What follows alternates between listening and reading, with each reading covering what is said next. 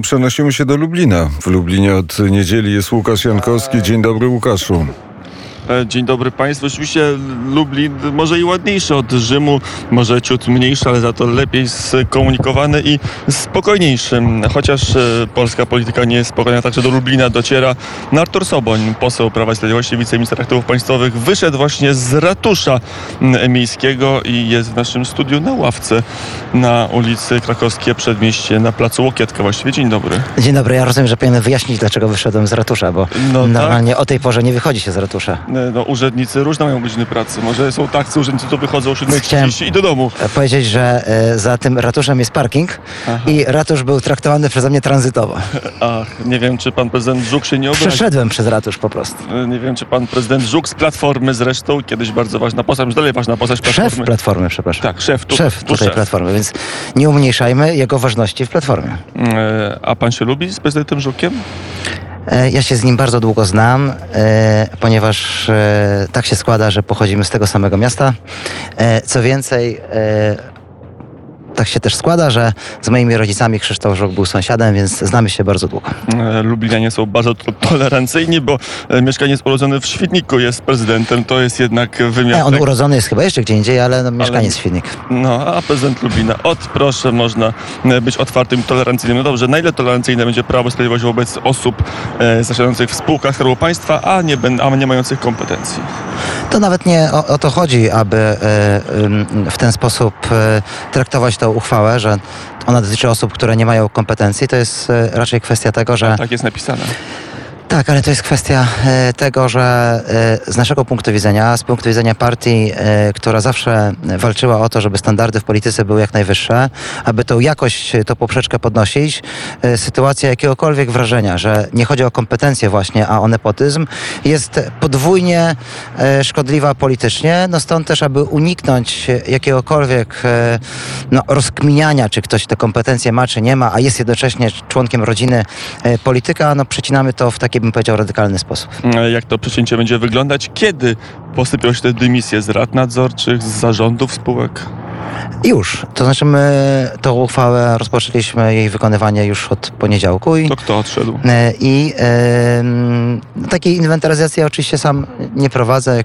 Będzie trzeba, pewnie pokażemy publicznie dokładnie e, o jakie osoby chodzi. Oczywiście z doniesień Dużo e, wiem, będzie. że e, pierwsze osoby już rezygnują, więc No, żona Krzysztofa Sobolskiego z trzech lat. to jest najlepsza forma. Rezygnacja. Każdy, kto jest zainteresowany, kto przeczyta uchwałę i kto czuje się lojalny wobec Prawa i Sprawiedliwości, wie, czy ta uchwała jego dotyczy, czy go nie dotyczy. I wydaje mi się, że tutaj nasza rola Ministerstwa Aktywów będzie minimalna, ale oczywiście, jeśli będzie potrzeba odwołania kogoś, kto został powołany, no to zawsze ten, kto powołał, może odwołać. E, Duży to był problem? Jeszcze raz powtórzę, to nie jest problem skali, natomiast problem oczekiwań. Ja mam takie wrażenie, że wobec naszego środowiska politycznego y, Polacy oczekują czegoś więcej i y, to, że wygrywamy wybory jest y, właśnie wynikiem tej naszej wiarygodności. Jeśli my to stracimy, jeśli staniemy w równym szeregu z politykami Platformy, PSL-u i SLD, no to bym powiedział czar pryśnie i będzie kłopot. U- Więc w tym sensie jest ważna. A uchwała była potrzebna? Nie dało się tego jakoś inaczej załatwić?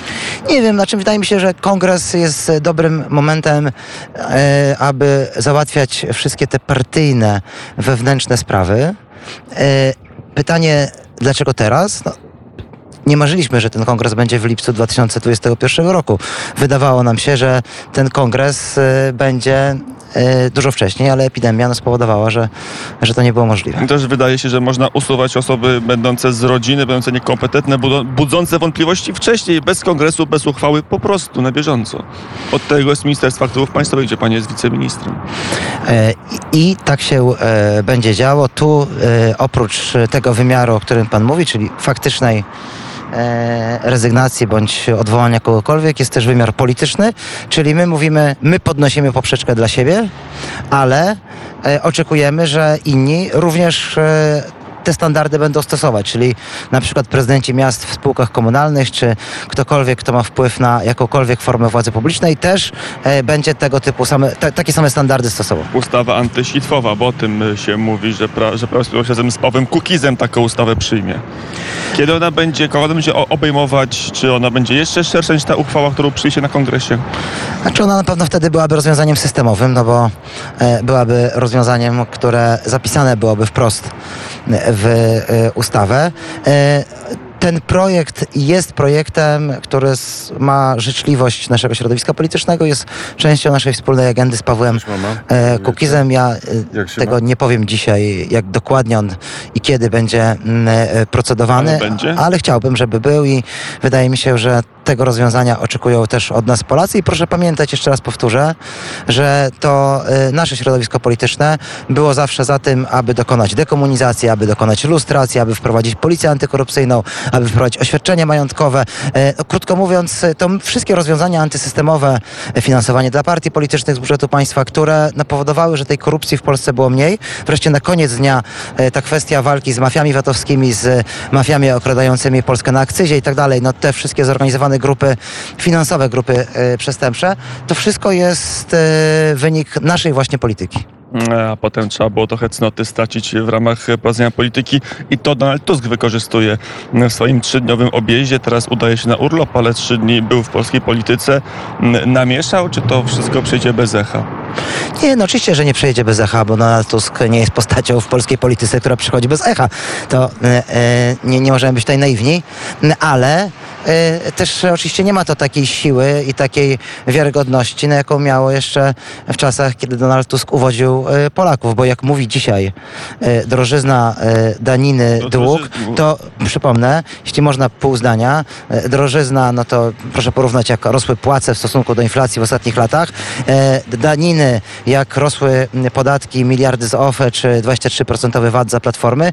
I wreszcie dług 2009-2015, Polska zawsze w procedurze Tylko- nadmiernego deficytu. Nikt już tego nie pamięta. Wszyscy słyszą, niech ci pisowcy wyjdą z limuzy, niech zdejmą swoje drogie garnitury, niech odstawią swoje drogie zegarki do biegania, i niech pójdą do sklepu, niech zobaczą, co się dzieje, niech wyjdą z Matrixa. To do biegania zrozumiałem, to była złośliwość, e, a wcale nie jest taki drogi. E, natomiast e, bardzo przydatny i zachęcamy do biegania, ale, ale e, zgoda, że e, ma to m, swój szkodliwy politycznie wymiar dla nas, stąd też e, tak stanowczo e, i e, jednoznacznie reagujemy. Ale Polacy to kupią? To jest taka narracja, która może być dla was zabójcza? Nie, nie sądzę. Tak jak powiedziałem, ona jest trochę archaiczna z jednego e, powodu. Dzisiaj e, Donald Tusk nie jest politykiem wiarygodnym. Co więcej, on nie rozumie tej rzeczywistości politycznej po 2015 roku. Chciałby prostego powrotu do takiej polaryzacji e, sprzed zwycięstwa e, Prawa i Sprawiedliwości, ale ani Platforma nie ma takiej siły, ani opozycja nie ma takiej ochoty, ta pozostała część e, opozycji, ani Polacy nie mają takiego przekonania, aby po roku 2015 żyło im się gorzej, bo żyje im się realnie lepiej. E, I teraz e, jest pytanie, jak na to zareagują inne partie opozycyjne. E, Na przykład Lewica już trochę wraca do szeregu razem z Platformą. To w ogóle zrekonfiguruje scenę po tamtej stronie sceny politycznej. Miejsce, że teraz Lewica razem z Platformą w jednym, w jednym szeregu pójdzie na Prawo i Sprawiedliwość? Nie, to w ogóle wykluczam, bo wydaje mi się to najmniej prawdopodobnym scenariuszem. Moim zdaniem To Donald jest Tusk PSL. Donald, to tak każdy ma swoją zupełnie inną agendę niż dzisiaj, niż Platforma i szuka troszkę w innych obszarach tematów i wyborców, ale ja myślę jeszcze, bym powiedział bardziej śmiało, Choć e, cechy osobiste Rafała Trzaskowskiego być może spowodują, że to się po prostu nie wydarzy, ale mm, powrót i sposób tego powrotu Donalda Tuska do e, Platformy Obywatelskiej e, jest e, dzisiaj sygnałem, takim jednoznacznym sygnałem dla tych wszystkich, którzy oczekiwali jakościowych zmian w polityce partii opozycyjnych, że to się po prostu nie wydarzy, jeśli chodzi o główną partię, czyli Platformę Obywatelską. Stąd też spodziewam się, że Donald Tusk nie tylko nie zjednoczy całości opozycji, ale spowoduje kolejne ruchy także wewnątrz Platformy, być może dołączenie do projektu Szymona Hołowni, e, pana Rafała Trzaskowskiego i wspólnego projektu e, tej, bym powiedział, nowej jakości, czy oczekiwania nowej jakości na opozycyjnej stronie politycznej, ale no zobaczymy.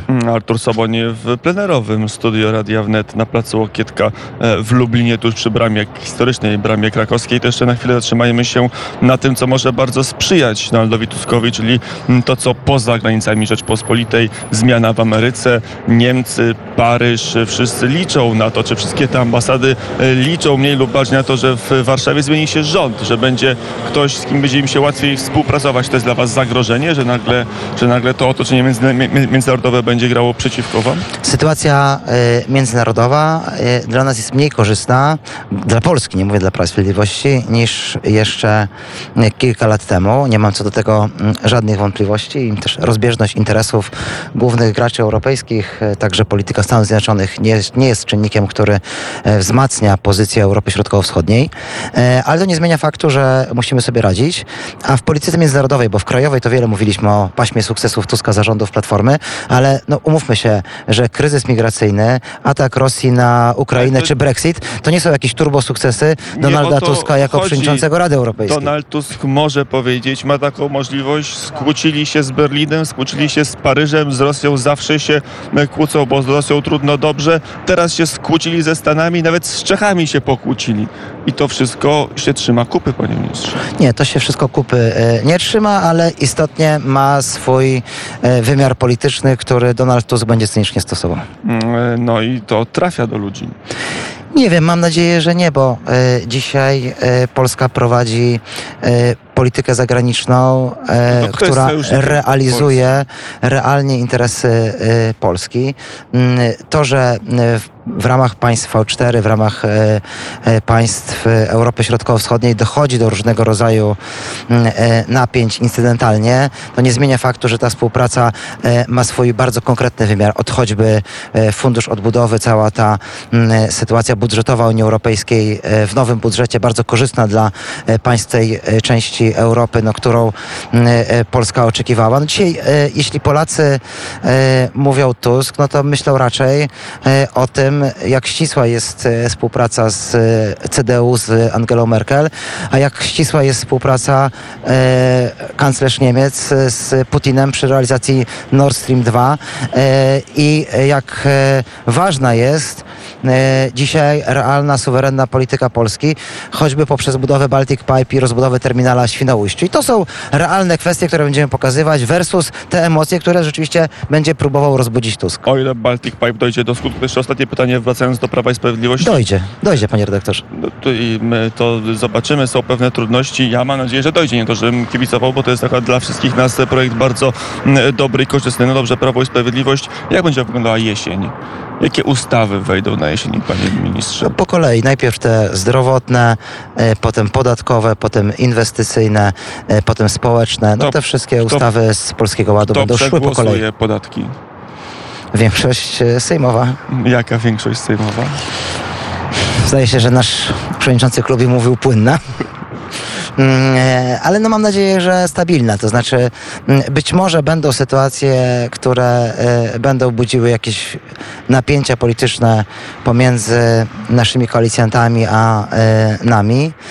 Być może, bo tego nie wiem, bo prawdę powiedziawszy, jeśli chodzi o Polski Ład, no to i Jarosław Gowin i Zbigniew Ziobro mają tutaj swój wkład i mm, zakładam, że to się nie wydarzy, ale no zobaczymy. Ale Jarosław Gowin podatków nowych nie chce. Nie chce podniesienia składki zdrowotnej dla lepiej zarabiających. No nie, ale to bo Jarosław Gowin e, pewnie e, mówi co, co myśli, nie kwestionuje intencji, ale to tak prosto nie będzie. To znaczy e, wraz z mm, upowszechnieniem sposobu opłaty składki zdrowotnej, e, bez tych wyjątków, które miały miejsce, no pójdzie realna obniżka e, podatków. No i na to się zgodzi Jarosław Gowin? Czy razem z Lewicą to przegłosujecie banet? Z częścią do tylko z partią razem zdaje się, bo SLD już nie chce tego typu ruchów przegłosowywać. No, Tak jak powiedziałem, e, każdy, kto w Polsce zarabia e, do 13 tysięcy złotych, no, będzie beneficjentem tak realnie, w sensie finansowo mm, e, tych zmian podatkowych. No to jest upomnienie się o 90 kilka procent Polaków, więc no, czy znajdzie się większość parlamentarna do tego, aby obniżyć podatki 90 kilku procentom e, Polaków, e, no to jest, e, bym powiedział, pytanie raczej o jakość naszej klasy politycznej w parlamencie, jeśli się nad tym zastanawiamy tak na serio, niż o naszą zdolność do budowania sojuszu. No to jaki sygnał poszedł wczoraj, czy w weekend z Kongresu Prawa i Sprawiedliwości dla Polaków, dla polskiej polityki? To, że Platforma i Donald Tusk potrafi być recenzentem skrajnie złośliwym. Nie, to pan e? I, e, ale kończę zdanie. I e, takim na granicy hejtu, m, e, a Prawo i Sprawiedliwość kreatorem. Recenzent, kreator. Znaczy Prawo i Sprawiedliwość zaproponował program. Tym programem jest Polski Ład. Program o tyle historyczny, o tyle historyczny i ja to zdanie pana prezesa Kaczyńskiego zapamiętałem, bo ono jest e, e, rzeczywiście dla osoby, która jest też historykiem. E, to jest jedno z moich wykształceń bazowych. E, to jest tak, że e, w tej tysiącletniej historii Polski sytuacja, w której e, byliśmy jako obywatele na takim samym średnio poziomie zamożności jak obywatele Europy Zachodniej się nie wydarzyła.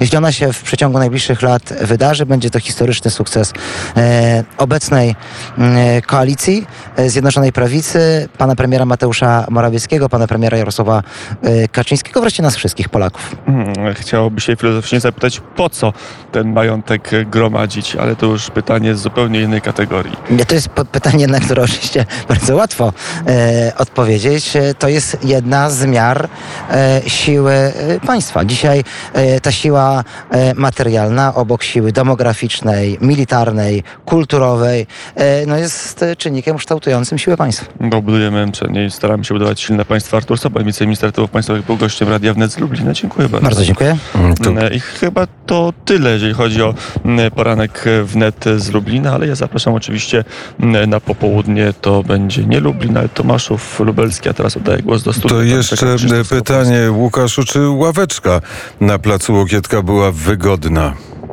E, średnio wygodna. Muszę powiedzieć, że z, z, w swoim życiu, mm, tak długim znowuż, ale na kilku ławkach zdarzało mi się siedzieć i nie tylko, e, ale ta do najwygodniejszych nie należy. To, to może krótkie e, pytanie. Już e, pan poseł Jan Kantak e, czeka e, przy e, telefonie. Poseł Solidarnej Polski, członek Komisji Sprawiedliwości i Spraw Zagranicznych. To powiem dzień dobry panie pośle. Dzień dobry panie redaktorze, dzień dobry państwu. Po, pozwoli pan, że jeszcze o Turów zapytamy ministra Sobonia, jeżeli jest taka okazja. Jest, pan minister siedzi, prze- przegląda komórkę, ale pewnie zaraz z pasją Ale co, my odpowie. jeszcze będziemy coś Tak, rozmawiać? my cały czas jesteśmy na antenie, panie ministrze. Jeszcze jest pytanie od Skąckiego o Turów. Czy pan minister jeszcze się Turowem zajmuje, czy już całkowicie został zwolniony z tego e, jakże... Sam się próbuję zwolnić. Sam się pan minister próbuje zwolnić. To wszystko trafia na antenę. No dobrze, panie ministrze, to co z tym Turowem? Udało się panu zwolnić z tego Turowa, czy nie? Naprawdę.